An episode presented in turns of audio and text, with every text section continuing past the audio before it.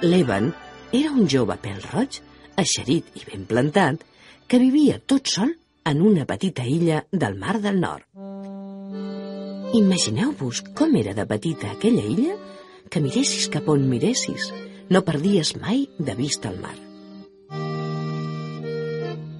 Sol com un mussol, l'Evan s'avorria molt.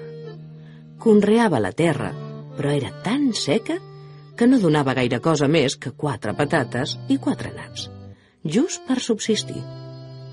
L'Evan es passava el dia desitjant que arribessin les cinc de la tarda. A aquella hora, l'Evan plegava de treballar. Es posava el jersei de ratlles, els pantalons vaquers, una gorra de llana per evitar que se li congelessin les orelles i baixava fins al mar. Li agradava molt agafar crancs entre les roques i també descobrir els nius que amagaven les gavines. Però el que més agradava a l'Evan era pescar. Pescar arengades platejades o sardines lluents i amb una mica de sort, alguna tonyina despistada.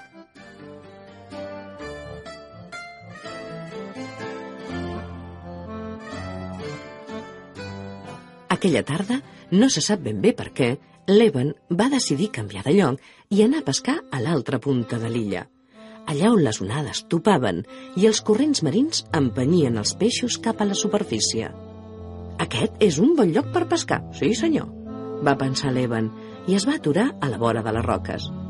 Aleshores, l'Evan va preparar el fil de pescar, va clavar amb molta cura un cucalam i el va llançar al mar a veure si picaven.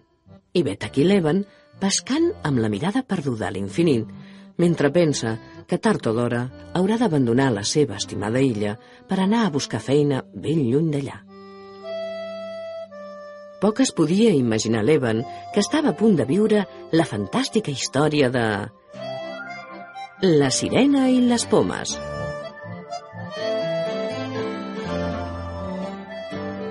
Sí, perquè aquella tranquil·la tarda de gener una sirena preciosa va sorgir de les profunditats del mar.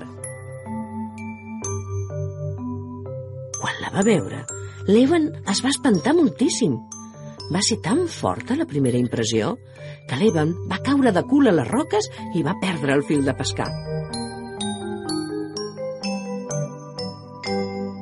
Però era tan maca aquella sirena que l'Evan no li podia treure els ulls del damunt.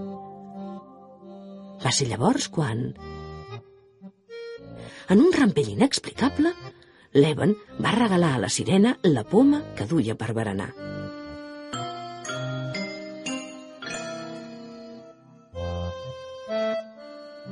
Era tan dolça aquella poma que la primera queixalada, la sirena i l'Evan es van enamorar.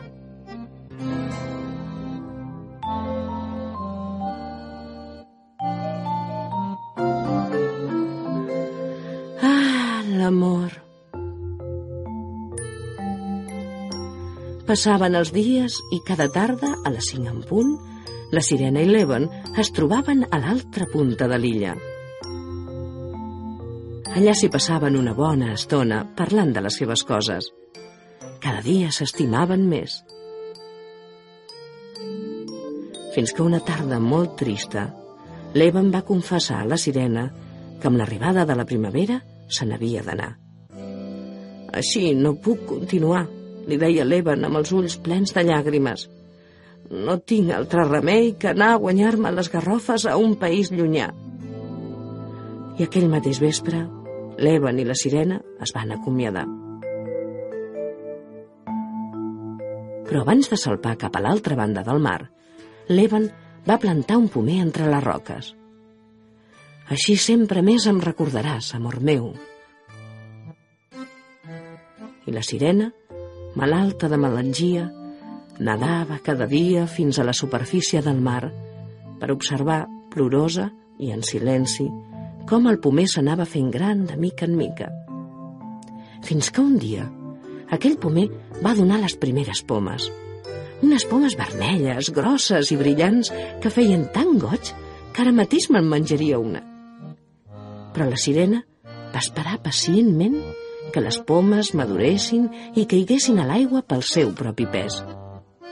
I des d'aleshores, la sirena apareix cada tarda, puntualment d'entre les aigües, per menjar-se una poma que se li feia tan dolça com el record que guardava de l'Evan, el seu amor estimat. D'això en fa molts i molts anys.